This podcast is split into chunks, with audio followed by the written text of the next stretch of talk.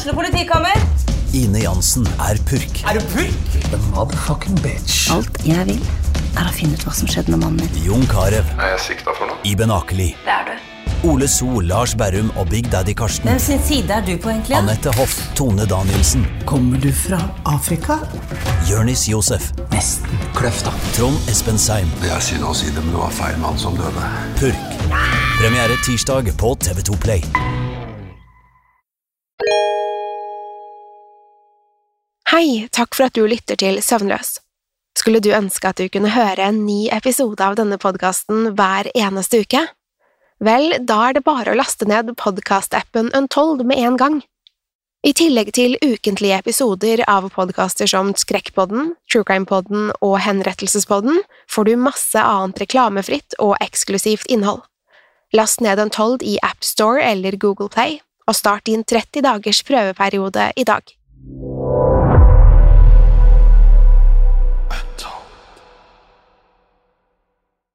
Advarsel Historiene vi forteller i denne podkasten kan være fiktive og avvike fra den opprinnelige historien av dramaturgiske årsaker. Meninger og påstander i historiene reflekterer nødvendigvis ikke programledernes meninger eller virkeligheten.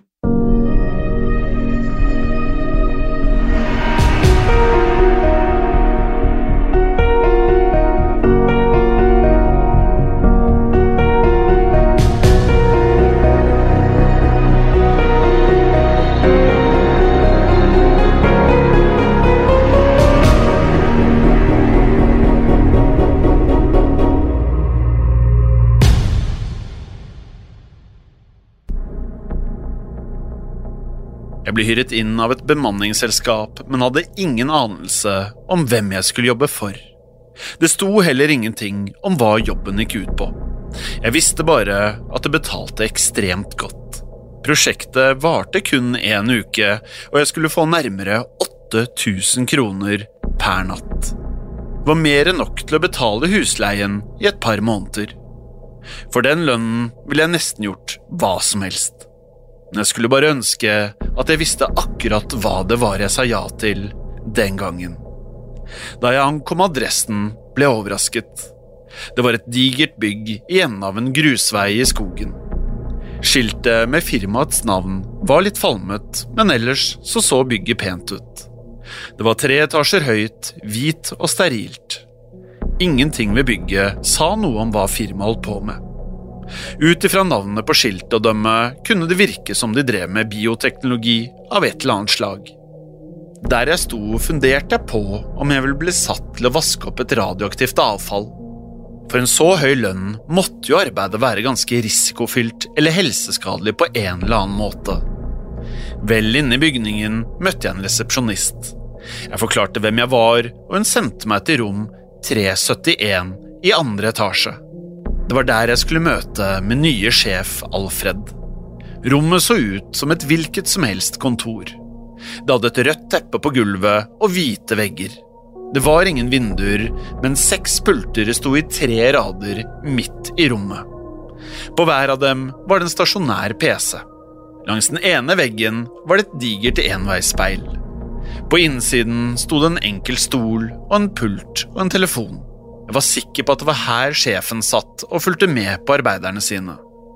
Utenom det var det ingenting spesielt ved rommet.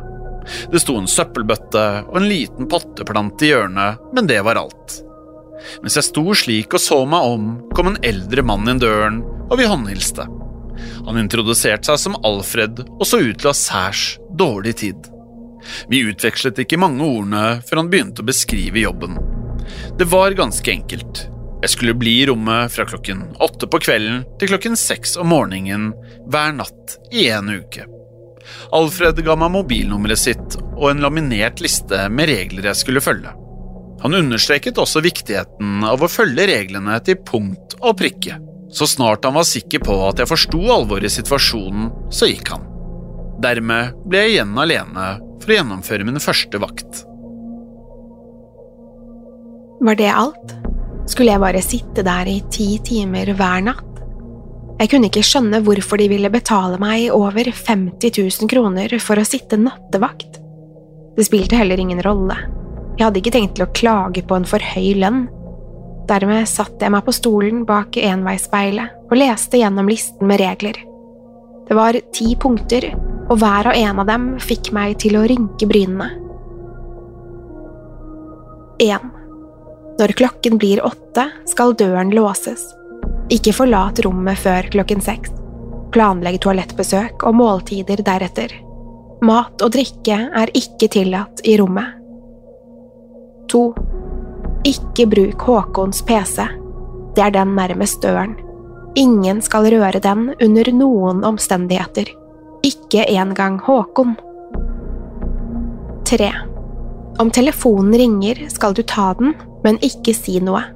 Uansett hva stemmen i den andre enden sier, skal du ikke svare. Legg på røret etter to minutter. 4. Ikke slippe inn vaktmesteren. Vi har ikke noen vaktmester. 5. Om noen andre banker på, skal du slippe dem inn, men overse dem. Ikke reager på noe de gjør. Når de går igjen, skal du låse døren etter dem. 6. Hvis søppelbøtten flytter på seg, skal du sette den tilbake så snart som mulig. 7. Om jeg banker på, skal du kun slippe meg inn om jeg kan passordet. 8. Nøyaktig klokken halv ti skal du endre startskjermen på alle PC-ene utenom Håkon sin. Ikke bry deg om bildene på skjermen. Oppfør deg normalt.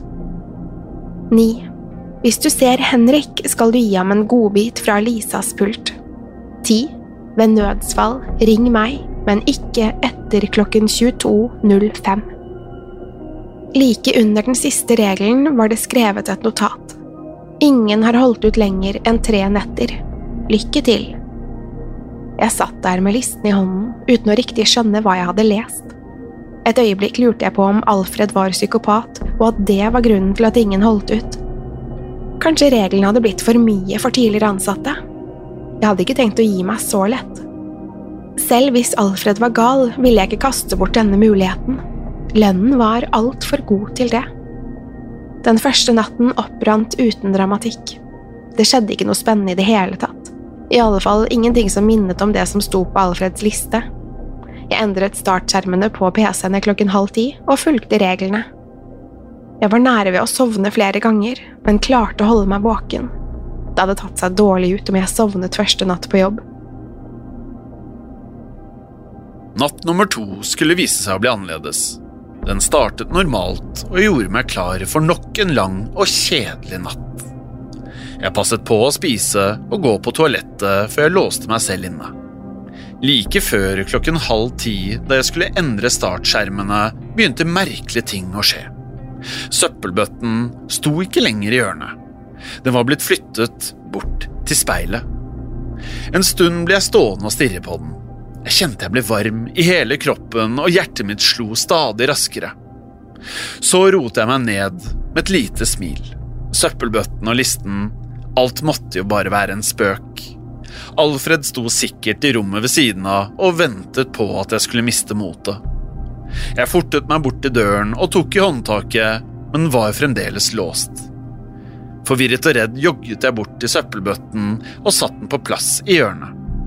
Deretter endret jeg på startskjermene på PC-ene. Etter å ha byttet den siste skjermen oppdaget jeg noe rart. En video dukket opp på monitor, men det var ikke en hvilken som helst video. Det så nemlig ut som overvåkningsbilder av rommet. Jeg kunne til og med se meg selv der jeg sto lent over PC-en. Jeg snudde meg raskt mot der kameraet måtte være, men der var det ingenting. Bare den sterile, hvite veggen. Da jeg kikket tilbake på skjermen, fikk jeg øye på noe som skremte vann av meg. En kopi av meg selv kom ut bak speilet.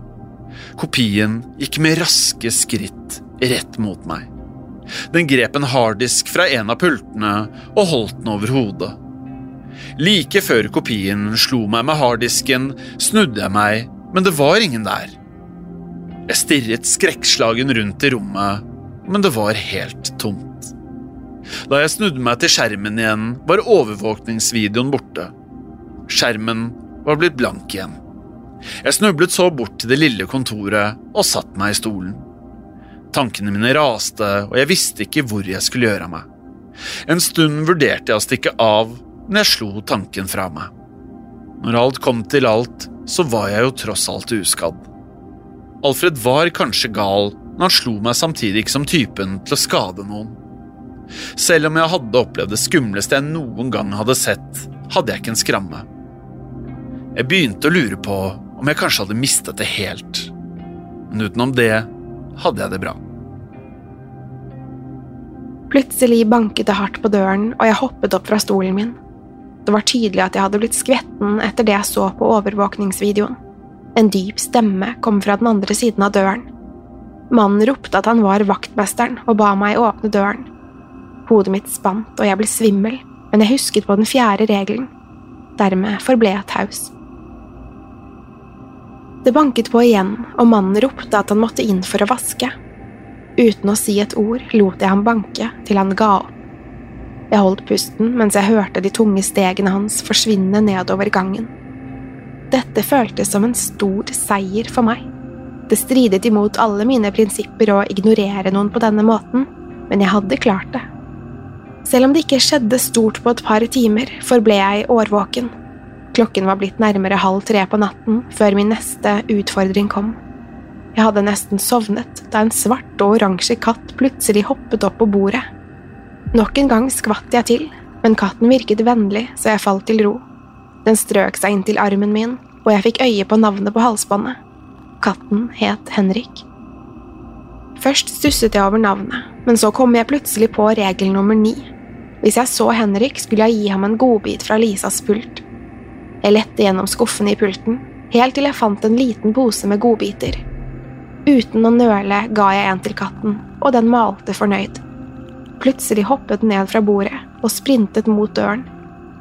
Til min store overraskelse løp den rett gjennom døren, som om den var røyk. Munnen min gled åpen, og jeg fortet meg bort til døren. Den var fremdeles låst, og det var ingen tegn til noen kattedør. Før jeg rakk å fundere noe mer over saken, ringte plutselig telefonen på det lille kontoret. Jeg var på vei til å plukke opp røret da jeg kom på enda en regel. Om noen ringte, skulle jeg svare, men ikke si noe. Jeg løftet røret og lyttet. I den andre enden kunne jeg høre Alfreds stemme. Han sa han kom til å stikke innom snart, og lurte på hvordan det gikk. Jeg forble taus, akkurat som det sto i reglene.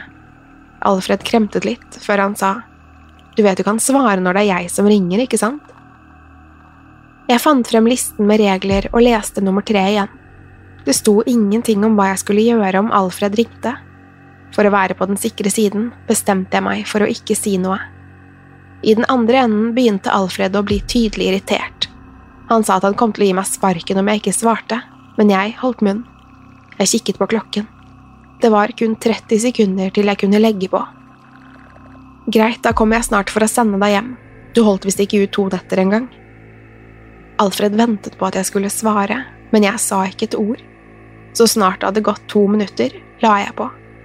Enda en time gikk, uten at det skjedde noe. Likevel holdt jeg et øye med rommet hele tiden. Det virket som nye prøvelser lurte i hvert hjørne. Plutselig banket det på døren igjen. Denne gangen var det en myk kvinnestemme som ropte fra utsiden. Det er Lisa. Kan jeg komme inn? Jeg nølte et øyeblikk og leste gjennom reglene igjen. Regel nummer fem sa at jeg skulle åpne døren, men ignorere alle som kom inn. Derfor reiste jeg meg og låste opp døren. Kvinnen på den andre siden var i 30-årene og blond. Hun hadde en grå blazer over en hvit skjorte og et stort glis. Det var alt jeg rakk å se før jeg snudde meg og gikk tilbake til det lille kontoret. Bak meg kunne jeg høre at Lisa forsøkte å prate til meg. Jeg gjorde alt jeg kunne for å virke normal, samtidig som jeg overså henne totalt. Lisa gikk bort til speilet og stirret inn. Nok en gang forsøkte hun å snakke til meg, men jeg stirret bare ned i bordet. Da jeg ikke svarte, ble hun stående og stirre inn i speilet i flere minutter.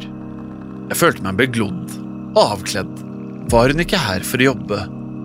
Plutselig gikk hun bort til speilet og kom inn til meg. Der stilte hun seg ved bordet og kikket ned på meg. Så løftet hun en hånd og slo alt hun kunne i bordplaten. Det smalt voldsomt, og jeg krympet meg litt.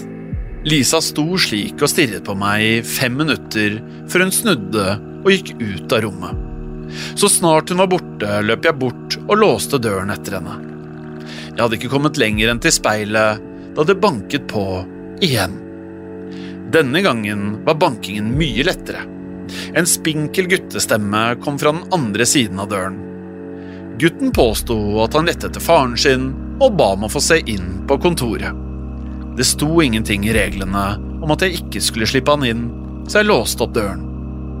Gutten forsøkte flere ganger å be meg om hjelp, men jeg passet på å ignorere ham. Plutselig gjorde jeg en enorm feil. I et brøkdel av et sekund møtte jeg blikket hans. Gutten blunket en gang, og da han åpnet øynene, var de svarte som kull. All farge virket som visket ut av de uskyldige øynene. Jeg var i ferd med å hoppe bakover i frykt, men klarte å ta meg sammen. I stedet flyttet jeg blikket ned i bordplaten og latet som om gutten ikke var der. Til slutt gikk han, og jeg låste døren.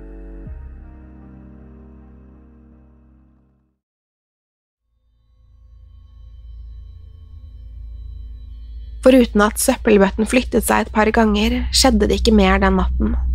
Før jeg visste ordet av det, var det blitt morgen, og jeg reiste hjem. Jeg vurderte å ringe Alfred og si fra meg jobben, men det var noe som holdt meg tilbake.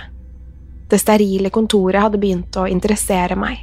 Det var som jeg ble dratt mot det av en usynlig kraft. Nysgjerrigheten burde ikke vært nok til at jeg dro tilbake neste kveld, men jeg var blitt for investert. Da skiftet mitt startet, følte jeg meg ganske selvsikker. Jeg hadde håndtert alle prøvelsene hittil, så dette burde bli lett. Et par timer gikk uten at det skjedde noe. Ingen katter, ingen telefoner og ingen skremmende bilder på PC-ene. Selv søppelbøtten forble på samme plass. Jeg var i ferd med å sovne av kjedsomhet da det plutselig banket på døren. Denne gangen var det ingen som ropte, så jeg spurte hvem det var. Etter en liten pause kunne jeg høre Alfreds stemme utenfor. Jeg så over reglene og fant den om hva jeg skulle gjøre om han kom innom. Jeg ropte ut og ba ham oppgi passordet, og hørte at han flirte utenfor døren. Jeg skrev aldri ned noe passord, sa han med en lattermild stemme. Jeg kikket på listen, og han hadde helt rett. Det sto ikke noe passord bak regelen. Det måtte være ham. Dermed fortet jeg meg bort til døren og låste den opp. Alfred sto der med et smil om munnen. Jeg pustet lettet ut og slapp ham inn. Han lukket døren bak seg og begynte å legge fra seg ting ved en av pc-ene. Nysgjerrigheten min tok overhånd, og jeg måtte spørre hvorfor han ikke hadde skrevet ned noe passord. Han bare smilte til meg og sa det var et knep. Om noen hadde latet som det var han, ville de sannsynligvis prøve å finne et passord. Dermed ville jeg skjønne at det ikke var han. Så snudde han seg tilbake til PC-en. Jeg ville helst ikke forstyrre han, men jeg hadde ett spørsmål jeg ville ha svar på. Hva er dette for et sted, og hvorfor skjer det så mye rart her? Alfred snudde seg igjen og så lurt på meg. Så sa han at det var best om jeg ikke stilte så mange spørsmål. Jeg var ikke spesielt fornøyd med svaret, men forsto at det ikke var noe poeng i å spørre igjen. Derfor returnerte jeg til det lille kontoret og lot ham jobbe i fred. Mens jeg satt der og kikket på han gjennom enveisspeilet, la jeg plutselig merke til en ting. PC-en Alfred jobbet på, var Håkon sin. Jeg dobbeltsjekket listen for å være sikker. Det var ingen tvil om at det var Håkons pult. Ifølge regel nummer to skulle ingen røre den. Gjaldt ikke det også Alfred? Jeg snudde arket for å forsikre meg om at jeg ikke hadde oversett noe. Det var da blodet stivnet i årene mine. Med stor, fet skrift midt på arket sto det tre ord. Passordet er restaurant. En stund stirret jeg fra arket til Alfred, som fremdeles arbeidet ved PC-en. Jeg var usikker på hva jeg skulle gjøre, men forsto at jeg hadde gjort en stor feil. Med ett fisket jeg mobiltelefonen ut av lommen og ringte Alfreds mobilnummer. Etter et par pip hørte jeg stemmen hans i den andre enden. Han spurte om alt var i orden, og jeg hvisket inn i telefonen. Jeg beklager, Alfred. Jeg har gått på en smell. Det kom en mann, og jeg var sikker på at det var deg, så jeg slapp han inn. Nå jobber han på Håkon sin PC. Alfred sukket tungt, og jeg kunne høre at han var skuffet. Jeg så på mens Alfreds kopi reiste seg fra pulten og kikket mot meg. Den virkelige Alfred forsøkte å roe meg ned i telefonen. Hør nøye etter, sa han med en rolig stemme. Ikke oppfør deg mistenksomt på noen som helst måte. Alt kommer til å gå bra så lenge han ikke skjønner at du har avslørt ham. Om du prøver å rømme, er det slutt, forstår du? Jeg lagde en lyd som indikerte at jeg forsto. Samtidig begynte Alfreds kopi å gå rolig mot det lille rommet. Hjertet mitt banket hardere enn noen gang tidligere. I telefonen ba Alfred meg om å ikke få panikk, og sa at han snart skulle komme. Så la han på. Jeg fortsatte å holde telefonen til øret. Da kopien kom inn på kontoret, latet jeg som jeg pratet med konen min. Kopien stirret på meg fra døren og ventet på at jeg skulle bli ferdig. Jeg kikket opp på han og spurte om alt var i orden. Han fortsatte å stirre et par sekunder før han spurte om jeg kunne hjelpe ham med noe på PC-en. Med den mest naturlige stemmen jeg hadde, sa jeg at jeg måtte gjøre ferdig samtalen. Men jeg skulle komme så fort jeg kunne. Han stirret et øyeblikk før han snudde seg og gikk tilbake til Håkon sin pult. Selv om jeg var panikkslagen, klarte jeg å holde masken. Jeg fortsatte å late som jeg pratet i telefonen, og dramatiserte til og med en liten krangel for å hale ut tiden. Hele tiden stirret jeg på døren og ventet på at den virkelige Alfred skulle komme. Endelig fikk jeg se dørhåndtaket bevege seg, og Alfred listet seg inn i rommet. Han snudde seg mot speilet og la en finger over leppene. Kopien sto med ryggen til og merket ikke at Alfred snek seg opp bak ham. Plutselig grep Alfred kopien rundt halsen og klemte til alt han maktet. Kopien kjempet for å komme seg løs, men det var nytteløst. Til slutt falt han livløs om på gulvet og smeltet inn i teppet. Jeg løp ut til Alfred og takket ham. Så ba jeg om unnskyldning for at jeg hadde vært så hodeløs. Han kikket på meg med milde øyne før han åpnet munnen. Du trenger ikke beklage deg. Dette er ikke første gang noe har kommet seg inn i rommet, og det kommer ikke til å bli den siste. Jeg er bare glad du har det bra. Han smilte før han ba meg lukke døren. Han ville nødig at flere kopier skulle komme seg inn med det første. Jeg nikket og lukket døren. Det var da jeg innså at jeg hadde glemt å låse den etter at Alfreds kopi hadde kommet. Det var sånn den virkelige Alfred hadde kommet seg inn. Om jeg hadde låst den slik jeg egentlig skulle, ville han ikke kunnet redde meg. Den tanken fikk meg til å huske på den siste regelen på listen. Jeg dro forsiktig frem telefonen fra lommen og sjekket anropsloggen. Jeg frøs til da jeg innså hva som var galt. Ifølge reglene kunne jeg ikke ringe Alfred etter klokken 22.05. Loggen sa at jeg hadde ringt klokken 22.18. Jeg snudde meg sakte og oppdaget at Alfred sto rett bak meg. Skjelvende spurte jeg han hva passordet var. Han gliste og stirret meg inn i øynene. Så sa han med forvridd stemme, Hvilket passord? Det var da jeg løp. Jeg sprang så fort jeg kunne ut døren, ned trappene og låste meg inn i bilen. Så kjørte jeg av gårde uten å se meg tilbake. Jeg vet fremdeles ikke hva som foregikk i det rommet. Jeg føler meg fremdeles dratt mot det, og nysgjerrigheten holder på å sprekke i meg. Likevel skal jeg aldri tilbake dit. Jeg tør ikke tenke på hva som kunne ha skjedd om jeg hadde blitt igjen der.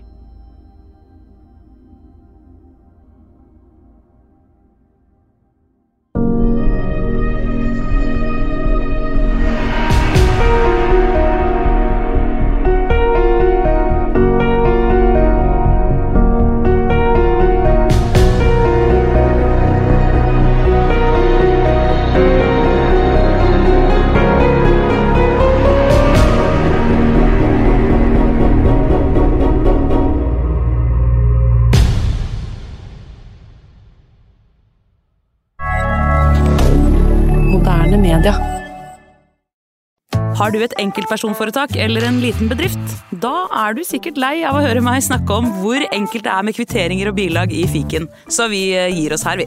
Fordi vi liker enkelt. Fiken superenkelt regnskap.